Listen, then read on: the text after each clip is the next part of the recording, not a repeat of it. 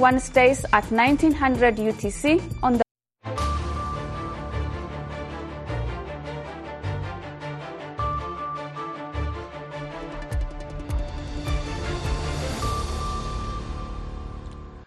halkani waa washington. Laanta afka soomaaliga idaacadda v o a oo si toosa idinkaga imaaneysa. Muwjadaha gaagaaban ee lix tobanka iyo sagaaliyo tobanka mitirban iyo weliba bogga aan ku leenahay internetka ee v o a somaly com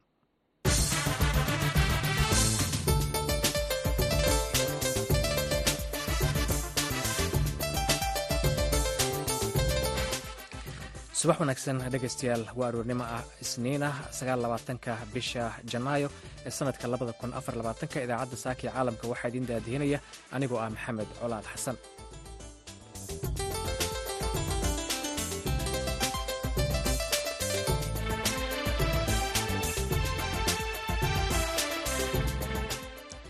qodobada aan idaacaddeena aroornimo idinkugu hayna waxaa ka mid ah sacuudiga oo mashaariic horumarineed ka hirgelinaya soomaaliya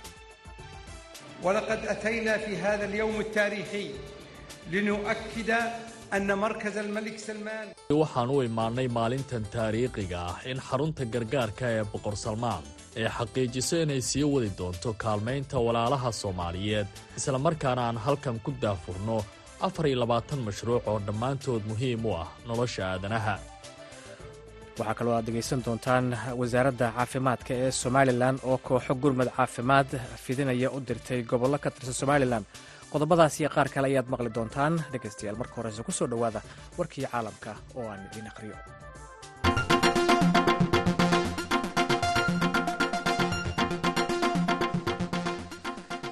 dowladda hayti ayaa sheegtay axaddii shalay inay weli ku rajo weyn tahay ciidamo caalami ah oo loo diro dalkaasi si ay uga caawiyaan soo celinta ammaanka iyo kala dambaynta. Hadalka hayti ayaa yimid kadib markii maxkamad ku taalla kenya ay diiday qorshe xukuumadda william ruuto ay ku doonaysay in ciidamo boolisa ay ugu dirto dalkaas. Xukunka ay riday maxkamadda kenya jimcihii la soo dhaafay ayaa mugdi geliyey mustaqbalka ciidamo caalami ah oo qaarmada midoobay ay taageersan tahay oo loo diro dalkaasi hayti hayti ayaa horey codsiyo la xiriira ciidamadan ugu dirtay beesha caalamka si looga kaalmeeyo wax ka qabashada mushkilado sii kordhaya oo dhinaca ammaanka ah ka haysta waddankaasi ku yaalla jasiiradaha karibiyanka dowladda kenya ayaa horey u sheegtay inay diyaar u tahay in ciidamo gaaraya kun askari ay u dirto hayti taasoo ay soo dhoweeyeen maraykanka iyo waddamo kale oo horey u diiday inay ciidamo geeyaan dalkaasi dowladda hayti ayaa ku sheegtay qoraal ay soo saartay axaddii shalay inay la socoto waxa ka dhacaya kenya ayna filayso natiijo wanaagsan. Xaakim howlgaba clegg ericson ayaa kula taliyey guddiga doorashooyinka ee gobolka illinoy ee dalkan maraykanka in magaca madaxweynihii hore ee maraykanka donald trump laga saaro liiska dadka ku qoran kaararka codbixinta ee doorashada israreebka ee musharaxiinta xisbiga jamhuuriga qaadigan ayaa sheegay in tale un ay ka tahay soo jeedinta balse buu yidhi go'aanka uu u yaallo maxkamadaha waddanka. Guddiga maamusha doorashada gobolkaasi ayaa la filayaa inay kulan arrintaasi ka yeeshaan talaadada berita ah si ay cod ugu qaadaan tala soo jeedinta qaadi clegg ericson ericson oo ka tirsan xisbiga jamhuuriga waa xaakim ka soo shaqeeyey degaan doorashada kankaki county ee gobolka illinoy waxa uu sheegay in trump uu ka qayb qaatay weerarkii lixdii bishii janaayo ee sannadkii labada kun ko iyo labaatankii lagu qaaday dhismaha aqalka koongareeska maraykanka iyo in cadeymaha ay muujinayaan inuu ku lug lahaa. Dadaalka uu gobolka illinoy ugu jiro inuu trump ka horjoogsado doorashada ayaa ku soo biiray dadaallo kale oo la mida oo ka socda dhowr gobol oo ku yaalla dalkan maraykanka taliska dhexe ee ciidamada maraykanka ayaa sheegay in saddex askari oo maraykana lagu dilay afar iyo soddon kalena lagu dhaawacay habeenkii sabtida. Weerar loo adeegsaday dayuurad daroon ah oo lagu qaaday saldhig ay ciidamadaasi kaga sugnaayeen waqooyiga bari jordan meel ku dhow xadka syriya dhimashada ciidamadan ayaa la aaminsanya inay tahay tii ugu horreysay oo loo geysto inta lagu guda jiro dagaalka muddada afarta bilood ka dhex socda israel iyo xamaas madaxweynaha maraykanka joe biden ayaa weerarkan ka dhacay jordan ku eedeeyey kooxda mintidiinta ah ee ay iiraan taageerto ee ka howlgasha ciraaq iyo syriya magacyada saddexdan askari oo uu madaxweyne biden ku tilmaamay haliyey wadaniyiin ah ayaan weli la shaacin. Biden waxa uu sheegay in maraykanka uu sii wadi doono dagaalka uu kula jiro argagixisada isagoo ka hadlayey munaasabadda ololihiisa doorashada ah oo ka dhacaysay gobolka south carolina gelinkii dambe axaddii shalay. Biden waxa uu yidhi kuwii weerarkan ka dambeeyey tallaabo ayaanu ka qaadi doonaa xilliga iyo qaabka aan u doonayno. Sida uu baahiyey wargeyska washington post maleeshiyada islaamiyiinta ah wax iska caabinta ee ciraaq oo ay ku wada jiraan kooxaha kataa'ib xisbullah nujuba iyo mintidiin kale oo ay iiraan taageerto ayaa sheegtay mas'uuliyadda weerarka ciidamada maraykanka lagu dilay afhayeen kooxdan u hadlay ayaa sheegay in maraykanka ay u beegsanayaan taageerada uu siiyo israel cabsina aysan ka qabin jawaab uu ka bixiyo arrintaasi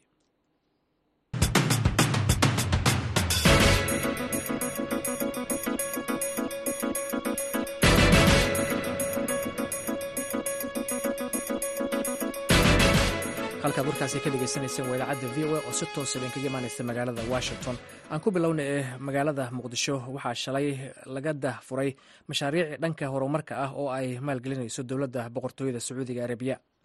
Mashaariicda oo ay ku bixi doonaan lacago badan ayaa waxaa si gaara loogu horumarin doonaa dhinaca waxbarashada biyaha iyo caafimaadka. Wariyaha v o eda muqdisho uga soo warrama cabdicasiis barrow ayaa warbixintan inoo soo diray munaasabadan lagu daafuraya mashaariicdan ayaa waxaa goobjoog ka ahaa ra'iisul wasaaraha soomaaliya iyo madax ka socotay dowladda boqortooyada sacuudiga gaar ahaan xafiiska diiwaanka boqor salmaan. Inta badan mashaariicdan ayaa lagu horumarin doonaa dhinaca waxbarashada caafimaadka iyo biyaha sida munaasabadda laga sheegay. Waxaana ka faa'iidaysan doona mashruucan sida uu qorshuhu yahay dad ka badan shan milyan oo ruux waxaana lagu sheegay in qarashka ku baxaya uu yahay afartan iyo shan milyan oo dollar. Doctor cabdallah bin cabdilcasiis alrabiica ah, oo ah la taliyaha xafiiska diiwaan almaliki ee dalka sacuudiga oo munaasabada ka hadlay ayaa hoosta ka xariiqay in dowladda sacuudigu ay sii wadi doonto garab istaagga soomaaliya. Walaqad atayna fi hada alyowm altaariikhi linuakida ana markaz almalik salmaan waxa uu yidhi waxaan u imaanay maalintan taariikhiga ah in xarunta gargaarka ee boqor salmaan ee xaqiijiso inay sii wadi doonto kaalmaynta walaalaha soomaaliyeed islamarkaana aan halkan ku daafurno afar iyo labaatan mashruuc oo dhammaantood muhiim u ah nolosha aadanaha. Dhinaca kale agaasimaha hay'adda maaraynta masiibooyinka ee dowladda federaalka ee soomaaliya maxamuud macalin oo goobjoog ka ahaa munaasabadda mashaariicdan lagu daafuraya ayaa waxa uu hoosta ka xariiqay in guud ahaanba afar iyo labaatankan mashruuc ay ku soo aadayaan xilli dowladda federaalka ee soomaaliya. Ay baahi weyn u qabtay mashaariicdan islamarkaana dalka uu ku jira xaalad adag. Marka loo fiiriyo dhibaatooyinkii isxigxigay ee dhammaantood ku tacalluqay arrimaha isbeddelka cimilada uu dalka soomaaliya martigeliyey waxaana uu sheegay in mashaariicdan ay noqon doonaan kuwo wax badan qabta. Waxaan runtii aada iyo aada u ammaanayaa boqortooyada sacuudi carabiya iyo hay'adda king salmaan oo runtii aada iyo aada noola shaqeeyo waxay nala tegeen gobollada dalka. Waxaan aada iyo aada u ammaanayaa madaxa hay'addaas oo dalka soomaaliya joogo oo aan isla tagnay dadkii ay abaartu saamaysay jubbaland kadibna aan isla tagnay dadkii fatahaaddu ay saamaysay beledweyne. Waxaan aada iyo aada iyo aada ugu mahad celinayaa runtii inay nala qabanayaan howlo badan oo ku saabsan arrimaha sidii dadku ay u naqalahaayeen. Dad gudbo oo dhibaatada ay ku jiraan ay ka baxaan una adkaystaan xaaladda runtii ay mataqaana ku sugan yihiin. Dhinaca kale ra'iisul wasaaraha soomaaliya xamse cabdi barre oo munaasabadan dhankiisa ka hadlay ayaa ugu horeyn ku dheeraaday xiriirka saaxiibtinimo iyo kan diblomaasiyadeed ee ka dhexeeya labada dal. Waxaana uu ku tilmaamay mashruucan lagu daahfuray muqdisho kuwo ka dhigan buundooyin xiriirinaya shacabka labada dal. Laysat haadihi mujarad mashaariic tanmawiya bal hiya jusuur. Waxa uu yidhi keliya waxa aan maanta u joogno ma aha mashaariic ee waa buundooyinkii xiriirin lahaa shacabka. Sidoo kalena kor u qaadi lahaa kalgacalka walaalnimo ee u dhexeeya innaga iyo walaalaha iyaga ee boqortooyada sacuudiga mashaariicdan ayaa la filayaa inay wax badan ka beddelaan nolosha dadka jilicsan ee soomaalida. Xilli saddexdii sano ee u dambeysay ay kordhayeen dadka ku barakacaya gudaha dalka oo ay saameeyeen isbeddelka cimilada. Cabdilcasiis barrow v o e muqdisho.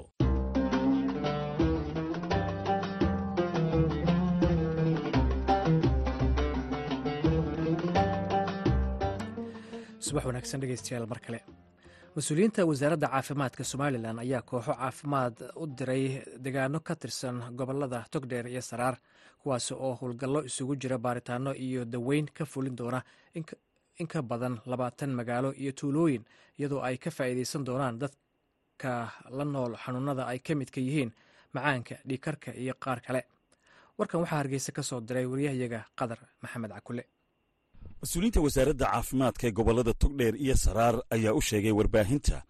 In kooxahan saddexda ah ee caafimaadka ay ka howlgeli doonaan laba kooxood oo ka midi gobolka togdheer kuwaasi oo in ka badan labaatan magaalo howlgalkoodan ka fulin doona caafimaad waxaa la sheegay oo kale in hal kooxna ay ka howlgeli doonaan gobolka saraar kuwaasi oo fadhigooda ama xaruntoodu ay noqonayso degmada waridaad ee gobolka saraar khadar maxamed oo ku hadlaya afka ururkan waddaniga ah ee howlgalkan isagu fulinaya waxa uu sheegay in sahan ay dhowaan sameeyeen ay ku ogaadeen baahiyo caafimaad oo muhiim u ah in bulshada laga taageero gaar ahaana dadka aan awoodda dhaqaale u saamaxayn inay magaalooyinka waaweyn caafimaadka u tagaan. Maanta waxaa noo sharafa shifaad ahaan inaan daah furno mashruuc caafimaad oo ka kooban caafimaad dhammaystiran oo shaqaalihiisii iyo dawooyinkiisii iyo shaybaadhkiisii oo isku dhammaystirana. Kooxahan caafimaadkii waxa la dhaha mobile team ama waa caafimaadka wareega waxay ka kooban yihiin dhakhtarkii laabkii wax baadhayey shaybaadhkii farmasigii qofkii dawada bixinayey qofkii ma garanaysaa community mobilizerkii waa koox isku dhammaystiran oo ka shaqayn doonta labaatan deegaan ama labaatan magaalo iyo tuulo isku jira oo ay maalgelisay shirkadda ganeel energy. Waxaan samaynay intaanaan hawsha bilaabin shifaad ahaan waxaanu samaynay inaanu deegaanadii soo marno oon baahiyaha soo taabanno. Waxaanu aragnay inay baahi weyn oo caafimaad ay taallo. Mashruucani markaa ujeeddadiisu waxa weeyaan koowaad waa in kor loo qaado caafimaadka hooyada iyo dhallaanka. Laba in kor loo qaado caafimaadka dadka qaba xanuunada aan gudbin sida macaanka dhiigkarka iyo xanuunada kale lamida waxaan rajaynayaa in aad laga faa'iidaysan doono cabdi cabdilaahi janaale oo ka mid a mas'uuliyiinta hay'adda shidaalbaadhista ee ganeel energy ayaa isaguna isdul taagay in aanay markii ugu horraysay ahayn ee mashaariic dhinaca bulshada loogu adeegayo ay qayb ka qaataan. Horta ganeel iyo saraar iyo eeryadan oo dhan ama togdheeraato iskuma cusba. In badan badan badan bay soo wada shaqaynayeen oo isku soo noqnoqonayeen marka markii suukay horraysay dee markii ugu horraysay caawimo aanu ka geysano halkan na maaha markii ugu horraysay waxyaabo badan oo ciida ka badan. Abaarihii dhacay baa ka mid ahaa. Kuwii kii dhacay wendabag wax la odhan jiro wax lagu kululeysan jiray. Xilliyadii ay abaaraha iyo dhaceen biyo dhaamis ku dhaceen. Xilliyadii quudintu iyo cuntadu ay dhaceen abaartuna ay badnayd. Adigu lama soo koobi karo waxyaabo badan oo aynu isugu nimi. Shirkaddu iyagoo kaashanaysa obic oo aanu baadir nahay aanu wada shaqayn leenahay iminkana waxaanu garannay in aanu fulino mashruuc in badan lagu hamiyeyey oo ah mobile project oo la eegi doono feedbacka ka soo noqda. Feedbacka ka soo noqda oo ah inay baahidiisu jirto oo aada u badan tahay iyo in kale. Iminka waxaa loogu deeqay muddo ah afar bilood oo ay fulinayso shirkadda shifaad afartaa bilood waxay ka fulinaysaa labaatanka tuulo ee ku dhowdhow mashruuca. Mashruucan fidinta caafimaadka ay saddexdan kooxood fulinayaan waxa uu socon doonaa sida ay saraakiisha caafimaadku u sheegeen warbaahinta muddo afar bilooda iyadoo kadibna la qiimayn doono waxtarkiisa. Khadar maxamed cakulle v o e hargeysa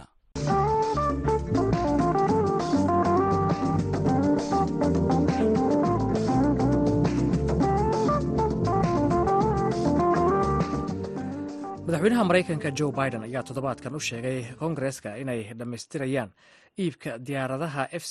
ee ay turkiga horey ugu heshiiyeen. Arrinkan ayaa noqonaya tallaabo weyn oo maraykanku ku dhammaystirayo iibka diyaaradahaasi oo ku kacaya labiyo soddon bilyan oo doolarka maraykanka ah. Haddaba arrinkani muxuu uga dhigan yahay turkiga muxuuse iminka maraykanka ku ogolaaday iibka diyaaradahaasi warbixin ku saabsan amuurtan waxaa magaalada london inooga soo diray wariyaha v o eda qaaradda yurub cabdixaafid cawil ismaaciil. Wasaaradda arrimaha dibadda maraykanka ayaa sheegtay diyaaradahaasi iyo qalab loo baahan yahay inay turkiya ka iibin doonaan iyada oo la dhammaystiri doono heshiiska ay labada dhinac hore u gaadheen. Tan ayaa imanaysa kadib markii turkiya si buuxda u ansixiyey arjigii swidhen ee xulifada neto dhinaca kale maraykanku waxa uu ansixiyey in diyaaradaha f uu ka iibin doono griega washington ayaa u muuqata inay doonayso inay isu dheelmi tirmaan griega iyo turkiya oo aan muddo dheer isku salbanaanayn xubidna ka wada ah xulifadaasi. Kongareska ayaa hore u diiday heshiiska washington iyo ankara iyagoo markii dambe ku xiray ogolaanshaha turkiya ee xubinimada sweden ee neto labaatan bilood markii ay sweden dalbatay inay xubin ka noqoto neto toddobaadkii hore ayuu madaxweyne biden qoraal u gudbiyey kongareska inay ansixiyaan iibka diyaaradahaasi. Haddaba maxay uga dhigan tahay turkiya inay hesho diyaaradaha noocaas ah? Su'aashaasi ayaan weydiiyey maxamed xasan dable oo ah falanqeeyo degan magaalada leicester ee dalka britain. Cabdi xaafid turkiga in loo ogolaado diyaaradaha nooca f sixteen ee maraykanka sameeyo in laga iibiyo waxay oga dhigan tahay guul waxayna u tahay in fursad in ay ku tayeyso awoodeeda difaaceed. Sida la ogsoon yahay noocan f sixteen waxaa weeye waa nooc aada iyo aada u taya sareeyo oo maraykanka oo keliya uu haysto. Welina no diyaaradla nooca aanan la sameynin inta hadda la ogsoon yahay sidaa daraadeed waxaa kaloo aada iyo aada caan ugu yihiin in ay yihiin kuwa lidka diyaaradaha ay ku rakaban yihiin oo hawada weerar haduu kaga yimaado iyo dhulka haduu kaga yimaadaba iska caabin karo iska difaaci karo. Joog hoose ayay ku duulayaan si ay raadaarada ooga dhuuntaan. Waxaa kaloo leeyihiin in ay cimilo walbaba caqabad ku noqoneynin oo ay shaqeynayaan la adeegsan karana marka arrimahaas oo dhan waxay ka dhigan tahay haddii uu turkiga diyaaradaha helo in awoodiisu ay mataqaanay difaaceed ay kor u kobceyso oo uu macno ka yeelanayo nato xataa dhexdeeda uu macno ka yeelanayo marka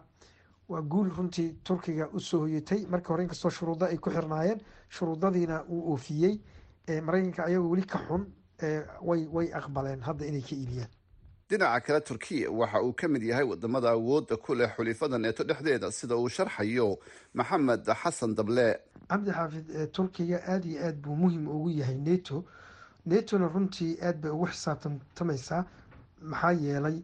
wuxuu meesha uu ku yaalay ee geopolitig geo geopolitiga muhimka u ah badda madow iyo badda mediterraneanka. Ah labadaa badood buu udhexeeya labadaa badoodna waa meelo marinadooda ay aada iyo aada muhiim ugu yihiin isbahaysiga nato. Waxaa kaloo jirtaa in uu yahay dalka labaad ee ugu ciidamada badan ee lagu xisaabtamayo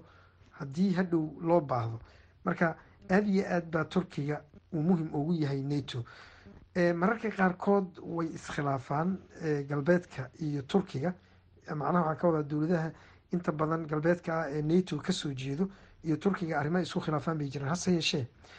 xogayaha guud ee nato jens stoltenberg hadda ka hor wuxuu yidhi turkiga waa madax xanuunka ay nato u baahan tahay. Kama maarmi karo waxayna ku dadaalaan nato inteeda badan inay mararka qaarkood tanaasulaan si loo xajiyo isbahaysigaasi uu awoodiisa aynan hoos ugu dhicin. Arrimaha kale ee ah in uu mataqaanay saameyn ku leeyahay caalamka islaamka iyo caalamka carabeed iyaduna muhiim bay u tahay xubinnimada nato. Nato aada bay arrinkaasi faa-ido uga tahay. Haddana khilaafkii ruushka iyo nato soo kala dhexgalay door weyn buu ka ciyaaray turkiga. Marka mar walba turkiga si kastoo la isku khilaafo way u soo dabcayaan ben carding oo ah guddoomiyaha aqalka sanadka ee arrimaha dibadda ayaa sheegay in ogolaanshaha codsiga turkiga ee ah inay iibsadaan diyaaradaha f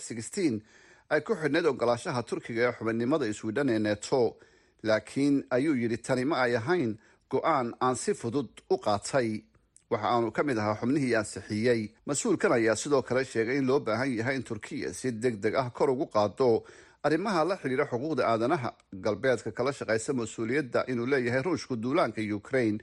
iyo dejinta xaaladda ka aloosan bariga dhexe. Cabdixaafid cawil ismaaciil v o a london.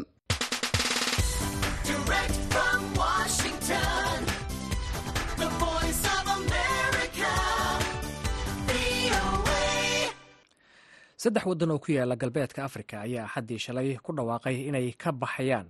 dalladda dhaqaalaha iyo iskaashiga ee ecowas ee ay ku bahoobeen dalalka galbeedka afrika dhaca.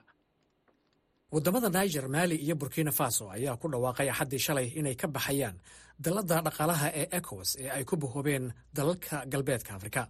Ecowas ayaa saddexdan waddan ku cadaadinaysay in muddo ah in waddamadaasi lagu soo celiyo isku xukunka dimuqraadiyadda. Madaxda milatariga saddexdan waddan ee dhaca galbeedka saaxil ayaa ku sheegay war qoraala oo ay wadajir u soo saareen in go'aanka ay uga baxayaan ecowas uu ahaa mid ay u qaateen iyagoo eegaya maslaxadda iyo madax bannaanida waddamadooda maadaama bay yidhaahdeen ecowas ay cunaqabatayn bani'aadnimada ka baxsan ku soo rogtay waddamadooda. Madaxda milatariga ayaa ku eedeeyey ecowas inay ka beertay mabaadiidii lagu aas-aasay muddo haatan konton sannadood laga joogo kuwa oo ku salaysnaa bay yidhaahdeen raadinta midnimada afrika waxay sheegeen in ecowas ay ku shaqayso duufsiga iyo faragelinta awoodaha shisheeye siday hadalka u dhigeen. Dalladan dhinaca dhaqaalaha iyo iskaashiga ee dalalka galbeedka afrika ee ecowas ayaa xubinnimadii ka joojisay saddexdan waddan kadib markii afgembiyo milatari lagu riday madaxdii waddamadaasi ee sida dimuqraadiga ah loo soo doortay afgembiyada ayaa ka kala dhacay niger bishii julaay ee sannadkii tegey. Burkina faso sannadii labada kun labaiy labaatankii maali oo laba jeer ay ka dhaceen sannadii labada kun iyo labaatankii iyo labada kun kow iyo labaatankii wixii markaa ka dambeeyey saddexdan waddan ayaa samaystay heshiis isbahaysi dhinaca difaaca ah oo ay ugu yeereen isbahaysiga waddamada saaxil e s s kaasoo saddexdan waddan mid walba uu ku ballan qaaday inuu kan kale soo garab istaagayo haddii gardarro ama faragelin lagu soo sameeyo madax bannaanida dhuleed ee waddamadaasi faragelintaasi ha ka timaado gudaha ama dibadda. Waxay saddexdan waddan sidoo kale cilaaqaadkii u gooyeen faransiiska oo horey u gumaysan jiray iyagoo taageero dhinaca ammaanka ah ka raadsaday waddanka ruushka kabixitaanka uu ciidamadiisa kala baxay faransiiska gobolka saaxil ee ku teedsan saxaraha afrika ayaa dhaliyey werwer laga qabo in colaaddu ay ku fido dhinaca koonfureed ee gobolka gaar ahaan waddamada ku yaalla gacanka guine ee benin ghana ivoricos iyo togo. Saddexdan waddan ee ecowas ka baxaya oo la hardamaya dagaalka ay kula jiraan kooxaha xagjirka ah ee gacansaarka la leh alqaacida iyo isis iyo saboolnimo ayaa milatariga gacanta ku hayaa waxay ku doodayaan in ujeedkoodu uu yahay inay ammaanka soo celiyaan ka hor inta aysan ku fekerin dimuqraadiyad. Qoraalka ay soo saareen saddexdan waddan ayaa afhayeen u hadlay milatariga niger oo la yidhaahdo kolonel amadu cabdiraxmaan waxa uu ku sheegay in ecowas ay ku guuldaraysatay in waddamadan ay ka caawiso dagaalka ay kula jiraan argagixisada iyo soo celinta nabadda iyo amniga kabixitaanka ay saddexdan waddan ka baxayaan ecowas ayaa dhabarjab ku ah dadaalada isdhexgalka dhaqaale ee gobolka taasoo abuuraysa hubaal la'aan la xiriirta sida arrintan ay u saameyn karto waddamada dalladan ku jira oo hadda dadka iyo badeecaduhuba ay si xura isaga kala gooshaan. Sida uu dhigayo heshiiska ecowas waddamada xubnaha ka ah ee doonaya inay ka baxaan waa inay soo gudbiyaan qoraal ogeysiin ah muddo sannad ka hor inta aysan si rasmiya uga bixin muddadaas sanadka ahna waddamada waxaa ku waajiba inay u hoggaansamaan heshiiska. Saddexdan waddan ayaa sidoo kale xubno ka ah isbaysi dhinaca dhaqaalaha iyo lacagta ah oo ay leeyihiin siddeed waddan oo ku yaalla galbeedka afrika kuwaas oo isticmaala lacagta faranka ee c f a ee lagu jaangooyey lacagta yuuro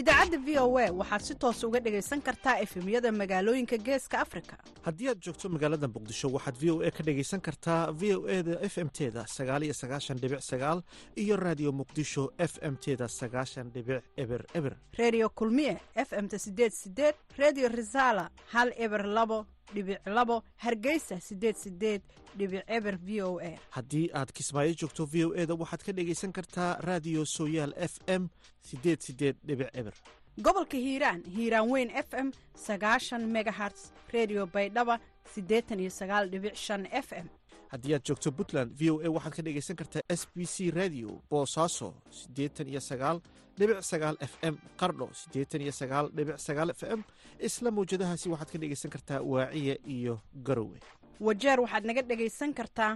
star f m sagaashan iyo toddoba dhibic saddex mandheera waxaad naga dhegaysan kartaan star f m sagaashan iyo toddoba dhibic shan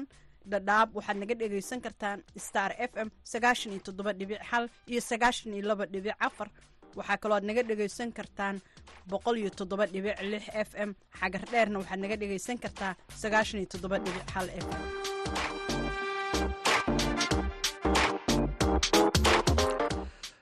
Waa weli waxaad naga dhegeysanaysaan idaacadda v o a oo toos idinkaga imaaneysa magaalada washington. Haatana aan wararkii iyo warbixinadii kaga nasanno dhinacii heesaha ilow ilow ansi hilmaan forged abarid codkii baxsanaa maxamed axmed kuluc iyo caashe cabdo Porque te voy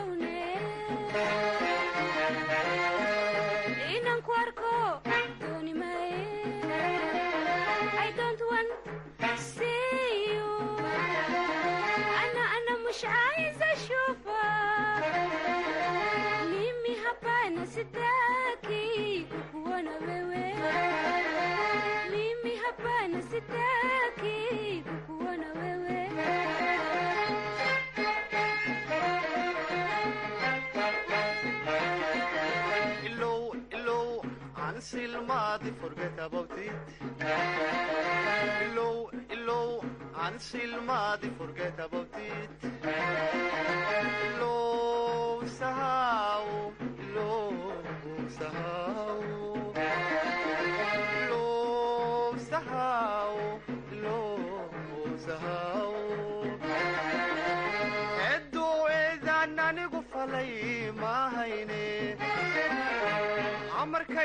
nahay baan la oolin karayne hedduu eedaan anigu falay ma amarka ilaahay baan la oolin karayne inanku arkuwaan dunayaay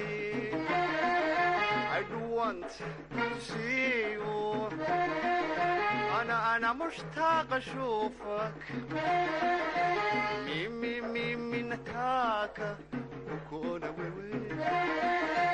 ميمي ميمي نتاكا وكونا ويوي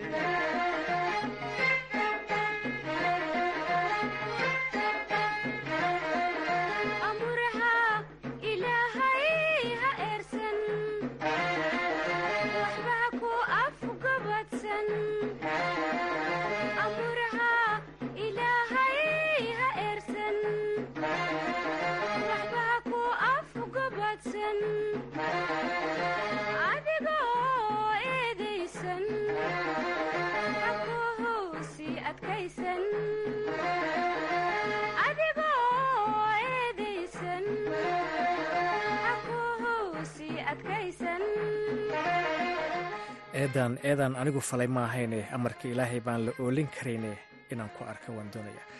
Codkaasi baxsan ee caashe cabdow iyo maxamed axmed kuluc waxay gebagabo u yihiin idaacaddeenii aroornimo waxaa idinla socodsiinaya anigoo maxamed colaad xasana saaxiibkay nuur xasan nuur ayaa dhinaca farsamada iga kaalmeeyey. Intaan hawada idinkaga kulmayno waxaan idinkaga tegaynaa sidaa iyo